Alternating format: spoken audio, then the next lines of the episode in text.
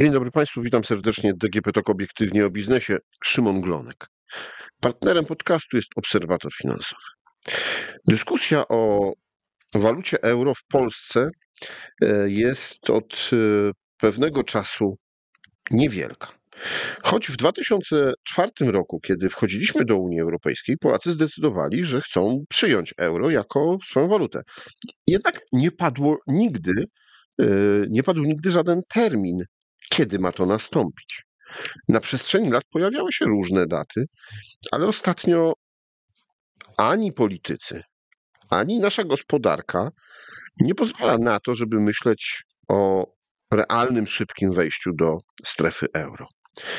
Jednak czy dziś jest już dobry moment na dyskusję?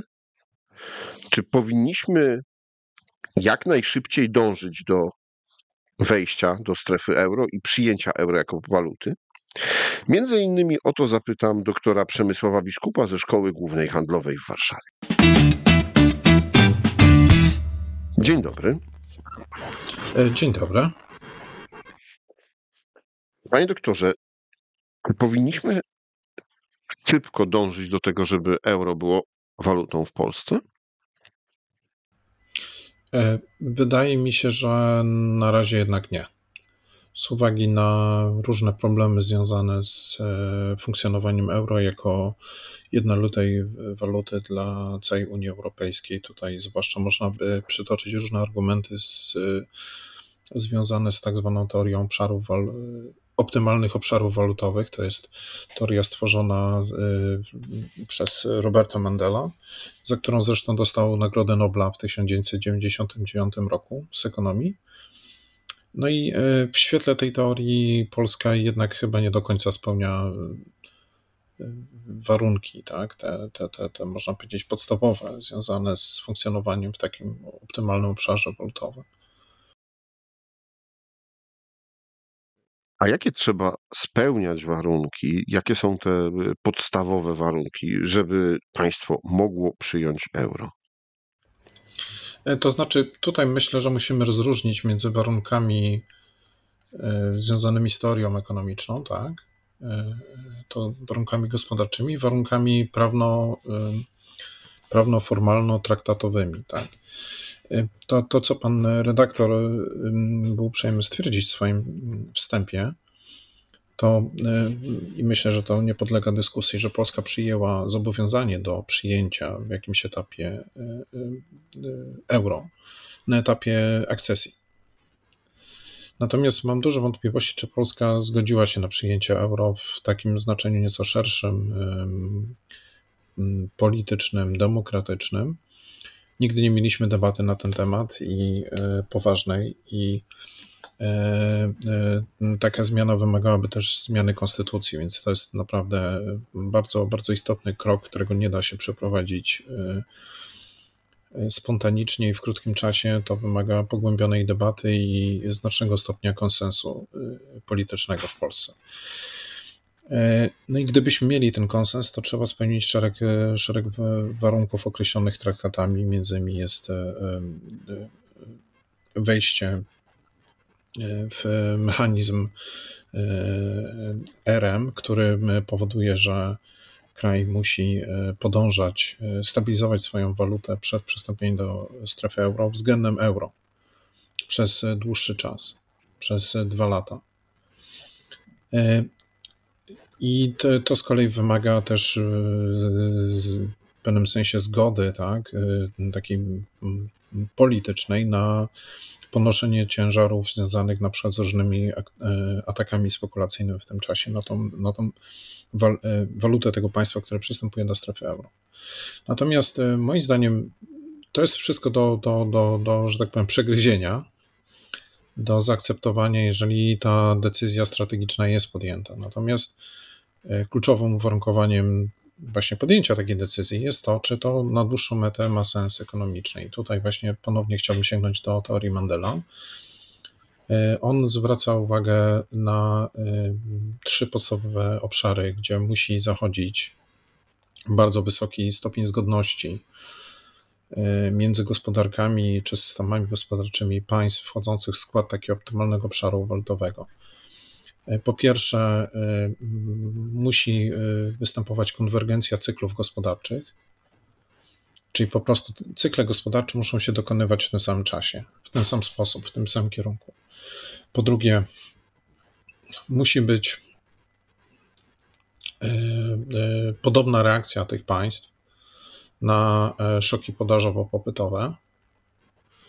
No i wreszcie e, muszą istnieć sprawne mechanizmy e, e, warunkujące elastyczność cen i płac, zwłaszcza na przykład mechanizmy związane z bardzo wysokim stopniem mobilności siły roboczej czy transferów fiskalnych. No i tutaj ja osobiście mam duże wątpliwości, czy Polska w stosunku do strefy euro jakby jest w takim stanie. E, zwróćmy uwagę, że Polska na szczęście pozytywnie wyróżnia się e, w odniesieniu do, do cyklów gospodarczych. Na przykład nawet w najgorszym momencie załamania gospodarczego w współczesnej historii Unii Europejskiej w czasie wielkiego kryzysu 2008, 2011, 2012 Polska pozostała zieloną wyspą. E, po drugie, no, jednak mamy istotne ograniczenia w ramach Unii Europejskiej mobilności siły roboczej. E, bo to jest też uwarunkowane kwestiami e, kulturowymi, językowymi, e, tego typu kwestiami. Do tego występują bardzo istotne różnice jednak ciągle w ogólnym poziomie rozwoju między Polską a powiedziałbym rdzeniem Unii Europejskiej. Polska jest państwem biedniejszym, ciągle na dorobku. Nie osiągnęliśmy średniej dochodowej przepraszam, nie osiągnęliśmy średniego poziomu PKB per capita dla Unii Europejskiej jako całości jeszcze. No i e, trzeba też podkreślić, że bardzo ważnym czynnikiem dotychczasowego modelu rozwoju konkurencji gospodarczej e, Polski był, e, była kwestia niskich kosztów. Na ile to jest do utrzymania, oczywiście na, na dłuższą metę, to jest trochę inne pytanie, ale faktem jest, że na razie jeszcze nie zastąpiliśmy tego modelu y, nowym modelem opartym na przykład o konkurencyjność opartej na wysokiej innowacyjności czy, czy wysokich technologiach. I póki to wszystko się nie zdarzy, no to moim zdaniem raczej nie można mówić, że Polska względem strefy euro jest, y, będzie w jednolitym obszarze y, walutowym. Więc gdyby Polska mimo wszystko z jakichś przyczyn pozagospodarczych przystąpiła do Unii Walutowej przed spełnieniem tych warunków, no to musimy mieć świadomość, że Polska by się znalazła w podobnym położeniu do państw południa europejskiego względem rdzenia strefy euro, e, czyli na przykład położeniu pewnie najbardziej byłoby zbliżone do Hiszpanii. E, pewnie nie aż tak źle by było jak z Grecją, bo Grecja też dokonywała nadużyć w procesie akcesji, fałszowała różne statystyki. E, ale zwróćmy uwagę, że nawet Włochy, jako państwo założyciel Unii Europejskiej, e, e, trzecia największa gospodarka Unii Europejskiej i drugi największe, drugie największe państwo przemysłowe Unii Europejskiej, mimo wszystko no, od momentu akcesji do strefy euro ma bardzo spowolniony wzrost gospodarczy, ma bardzo wysokie bezrobocie wśród młodych ludzi, wysoki stopień emigracji nowych ludzi, y, znaczy młodych ludzi, tak, do innych państw Unii Europejskiej, więc y, to nie są zjawiska korzystne. I wydaje mi się, że Polska byłaby tu y, w jeszcze słabszym położeniu. Panie doktorze, ale mm, jeśli patrząc na te mm, gospodarcze i, i finansowe aspekty, e, no to Polska jest, e, największym partnerem Polski handlowym są Niemcy, kraj, który ma euro. Wymiana gospodarcza największa jest z krajami euro. Czy w takim wypadku nie ponosimy większych kosztów z powodu na przykład przewalutowania i nieopłacalne byłoby e, rozważyć już jednak jakiś e, horyzont czasowy, określić datę, że do tego momentu powinniśmy zrobić wszystko, żeby spełnić te wymagania formalno-prawne i wejść i przyjąć euro. E, no, szczerze mówiąc, wydaje mi się, że na chwilę obecną nie. E, bo mm, tu nawet odwołując się do tego, co powiedział pan, pan redaktor, no, zrobić wszystko, to znaczy również zapłacić konkretną cenę w postaci narażenia się na te, jak wspominałem, na przykład ataki spekulacyjne w okresie, w okresie procesu akcesyjnego do euro. To jest pierwsza rzecz. Druga jest taka, że myślę, że trzeba pamiętać o tym, że wejście do strefy euro jest, myślę, w kategoriach praktycznych procesem nieodwracalnym. A więc i oczywiście, który będzie odgrywał swoje skutki gospodarcze przez bardzo długi czas. W horyzoncie kilkudziesięciu lat, być może jeszcze dłuższym. W takim układzie pytanie jest, co jest właściwą podstawą do oceny opłacalności tego procesu.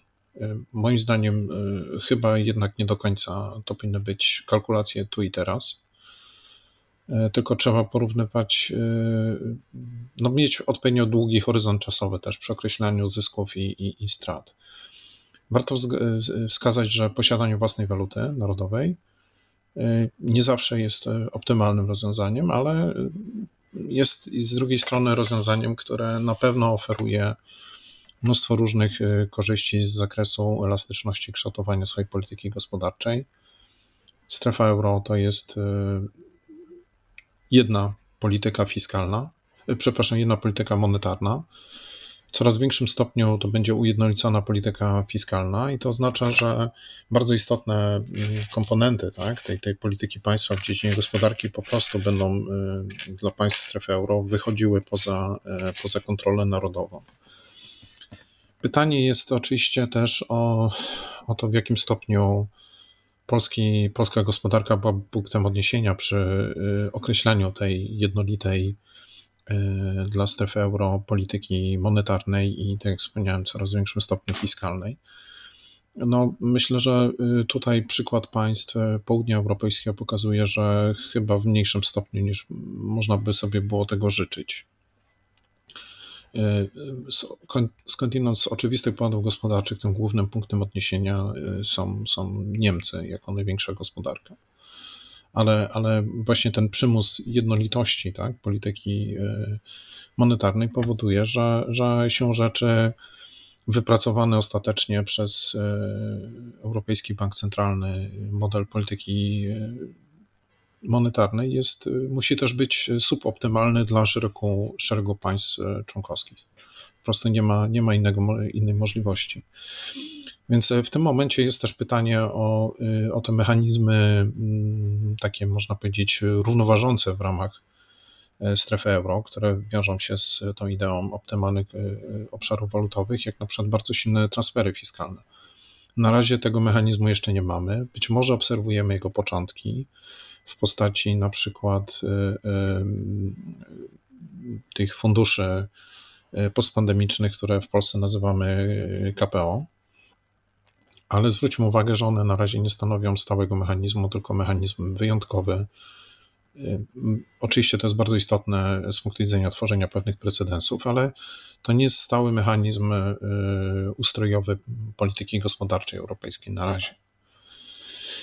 Y, do tego dochodzą pytania też wykraczające już poza ścisłą strefę polityki gospodarczej, to znaczy na przykład o zdolność prowadzenia w razie jakiejś nadzwyczajnej potrzeby swobodnej polityki zapożyczania państwa na na przykład cele zbrojeń. Prawda? To jest konkretny, konkretny atut w niektórych y, sytuacjach, ale te sytuacje w obecnej chwili nie są już jakąś abstrakcją, tylko są czymś, co jest bardzo konkretne z punktu widzenia Polski, a niekoniecznie równie, równie kon konkretne z punktu widzenia innych państw Unii Europejskiej. Żeby być tutaj maksymalnie obiektywnym, trzeba bardzo podkreślić, że o całości decyzji, czy przystąpić do strefy euro, czy nie, decydują naprawdę, decyduje bardzo szeroki wachlarz czynników. Możemy powiedzieć, kierując się na przykład praktyką e, e, Finlandii czy państw bałtyckich, że w ich przypadku bardzo ważnym argumentem na rzecz przystąpienia do strefy euro było to, że te państwa właśnie chciały się bardzo mocno y, z powodów geopolitycznych, geostrategicznych związać z, ze ścisłym rdzeniem Unii Europejskiej, zabezpieczyć w ten sposób, w dodatkowy sposób w przypadku ataku y, Rosji na, na, na nie. Po prostu chodziło o to, że jeżeli Rosja by zaatakowała, to zaatakowałaby również siłą rzeczy państwa strefy euro, to znaczy, że związany z tym szok gospodarczy również bezpośrednio działywałby na najważniejsze państwa Europy Zachodniej i, i tym samym w domyśle zmuszał je do jakiejś reakcji na tą sytuację. E, I to być może z czasem będzie też bardzo ważny czynnik w debacie polskiej. Na razie moim zdaniem jeszcze nim nie jest.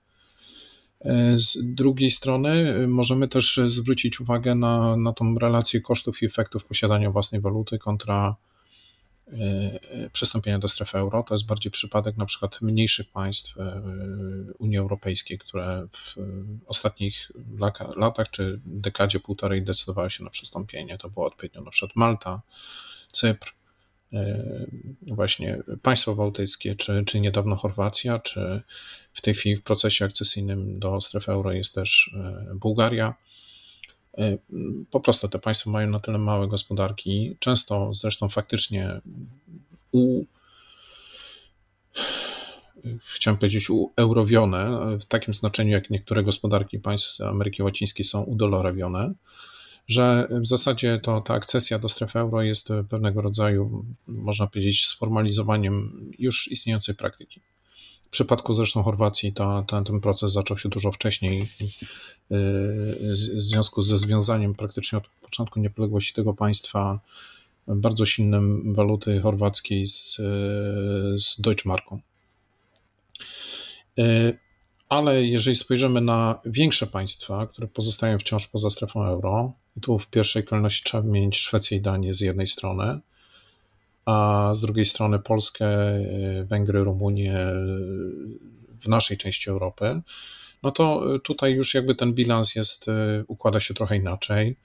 W ogóle warto przypomnieć naszym słuchaczom, że Polska jest w tej chwili największym państwem, jeżeli chodzi o całkowity rozmiar PKB poza strefą euro.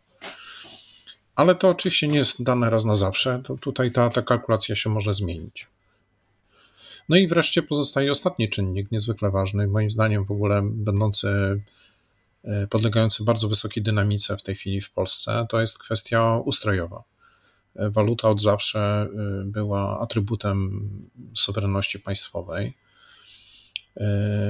Do tego oczywiście tym bardziej wszelkie uprawnienia związane z polityką fiskalną.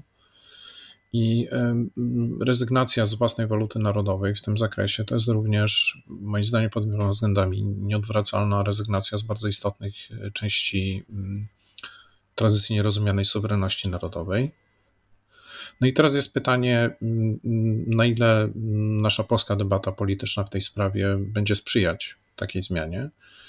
E, no moim zdaniem, e, ponieważ właśnie otwiera się czy jesteśmy świadkiem, świadkami właśnie narastania e, pewnego podziału w poprzek sceny politycznej na e, partie ugrupowania o położeniu, e, znaczy postawie takiej bardziej profederalistycznej i takie o postawie dużo bardziej eurosceptycznej, no to moim zdaniem będzie trudno wygenerować to, ten konsens w tej sprawie. A przypomnijmy, że decyzję trzeba podjąć większością dwóch trzecich głosów w parlamencie a powiedziałbym, że y, faktyczne wymaganie takie polityczne będzie, żeby również przeprowadzić w tej sprawie referendum.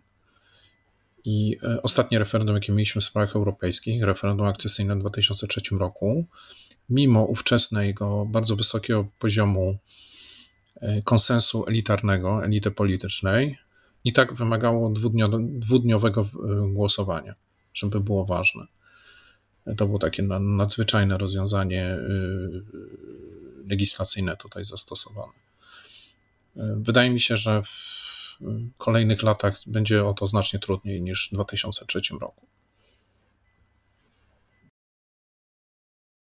Panie doktorze, czyli na dzisiaj yy, raczej nie ma warunków do tego, żeby e, przyjąć y, euro. I też z Pana wypowiedzi wnioskuję, że gospodarczo byłoby to nieopłacalne. No ale będzie w pewnym momencie taki rozwój gospodarki polskiej, osiągniemy taki pułap, w którym rzeczywiście mm, plusy z posiadania e, własnej waluty już nie będą tak ogromne, mówię pod względem gospodarczym, e, i e, w którym, który to będzie moment, kiedy to będzie ten moment, żeby warto do debaty, czy warto przygotować się do wejścia do strefy euro? Gdybym miał odpowiedzieć na to z punktu widzenia takich czystych wskaźników gospodarczych, to powiedział mniej więcej ten moment, kiedy Polska osiągnie przeciętny poziom PKB per capita dla całej Unii Europejskiej. Natomiast mhm. gdybyśmy sięgnęli jeszcze raz do tej teorii e, Mandela, tak, to e, on bardzo zwraca uwagę na, jako jeden z warunków dobrego funkcjonowania optymalnego obszaru walutowego, ten sam sposób reagowania na zewnętrzne szoki podażowo-popytowe. A to z kolei jest związane w ogóle z reagowaniem na, na różnego rodzaju szoki geopolityczne i geoekonomiczne. I to jest moim zdaniem niesłychanie też ważny element tej całej układanki. To znaczy pytanie, kiedy osiągniemy taki poziom integracji nie tylko gospodarczej, ale też politycznej w Unii Europejskiej, że na przykład taka sytuacja, jak się zdarzyła w, z atakiem Rosji na Ukrainę, spowoduje dokładnie ten sam typ reakcji, również przełożenie na gospodarkę w całej Unii Europejskiej. E, I moim zdaniem na razie to jest naprawdę super otwarte pytanie, kiedy to się stanie, a także czy w ogóle się to stanie. Natomiast z drugiej strony y, trzeba oczywiście podkreślić, że tu sytuacja jest dynamiczna, y, że mamy do czynienia z otwartą już w tej chwili dyskusją o przyszłości Unii Europejskiej o, w kontekście jej reformy. Mamy opublikowany w październiku raport ekspercki firmowany przez Ministerstwa Spraw Zagranicznych Niemiec i Francji, gdzie między innymi proponuje się jako pomysł na tą reformę przyjęcia modelu Europy wielu prędkości. To moim zdaniem mogłoby oznaczać między innymi dużo bardziej ścisłą integrację strefy euro jako tego najwęższego, naj, najściślejszego kręgu integracji. To prawie na pewno będzie się wiązać też z bardzo wysokim stopniem uspólnotowienia polityki fiskalnej i budżetowej tych państw, a, a także najpewniej z rozbudowaniem tej sfery, y, w tym wypadku absolutnie koniecznych, y, transferów y, budżetowych między państwami członkowskimi takiej, takiej tak zmienionej strefy euro. Więc jeżeli będziemy mieć do czynienia z taką zmianą, to moim zdaniem wiarygodność strefy euro jako organizmu, jako projektu gospodarczego bardzo wysoko wzrośnie, ale musimy zdać sobie sprawę, że to oczywiście będzie oznaczało też siłą rzeczy bardzo wysoką koncentrację y, integracji politycznej. I y, moim zdaniem to jest możliwe w przypadku państw, które mają naprawdę bardzo podobny sposób patrzenia na świat, podobne położenie geograficzne, podobny zestaw zagrożeń ale ciągle mam wątpliwości, czy akurat e, pod tym względem Polska e, dokładnie się wpisuje w tą, w tą układankę. A jeśli nie, no to jest pytanie, gdzie ona mogłaby się znaleźć. E, I gdyby zwyciężyły te koncepcje Europy wieloprędkości opisane w tym raporcie francusko-niemieckim, no to pewnie Polska, chcąc utrzymać narodową walutę, czyli złotego, się rzeczy opowiedziałaby się za, za pozostaniem w, tej, w tym nowym projekcie określonej jako ten drugi krąg e, integracji, tak? czyli tym, co jest dzisiejszą Unią Europejską. E, I to są, to są oczywiście dylematy, które będzie trzeba rozstrzygnąć w debacie publicznej w Polsce e, w najbliższych latach. Natomiast moim zdaniem mm, to rozstrzygnięcie nie będzie miało charakteru czysto gospodarczego. To będzie to żeby to miało sens, moim zdaniem ta debata będzie musiała mieć charakter hybrydowy, łączący rozważania gospodarcze z rozważaniami strategicznymi, z rozważaniami konstytucyjnymi, pytania o to, na ile Polacy są zdeterminowani, żeby utrzymać samodzielne państwo polskie, mówiąc zupełnie wprost, a na ile się są w stanie pogodzić z tym, że, ben, że Polska w tym drugim wariancie byłaby takim, można powiedzieć, stanem w ramach Stanów Zjednoczonych Europy. No i to oczywiście będzie wymagało wypracowania też konsensu, konsensu politycznego wśród naszej elity, bo, bo to będzie wymagało bardzo zasadniczych zmian ustrojowych po stronie polskiej.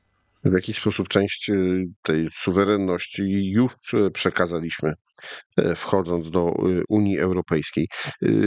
Panie doktorze, mam jeszcze na koniec jedno pytanie. A jak Polacy dzisiaj podchodzą do kwestii wprowadzenia euro? No, mówiąc w największym skrócie, sceptycznie. Mamy najnowsze badanie z Ibrisu, na przykład z, z listopada bieżącego roku, sprzed dwóch, trzech tygodni. I tam na przykład 63% Polaków jest zdania, że nowy rząd Donalda Tuska nie powinien dążyć do wprowadzenia w Polsce waluty euro.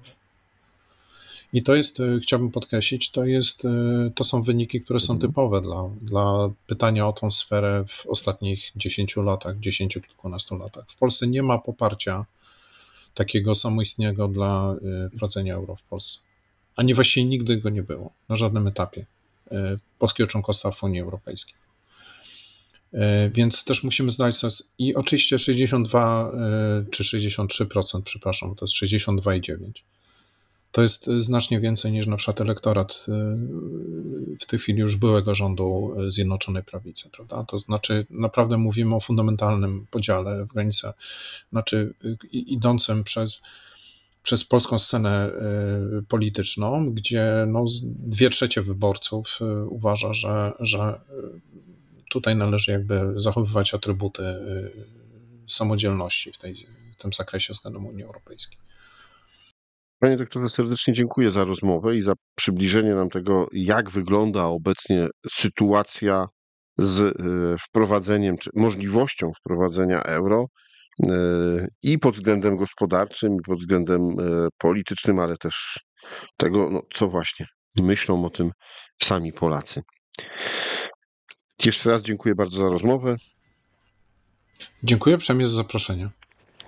Moim i Państwa gościem w podcaście DGP Tok Obiektywnie o Biznesie był dr Przemysław Biskup ze Szkoły Głównej Handlowej w Warszawie. A rozmawiał Szymon Glonek. Do usłyszenia.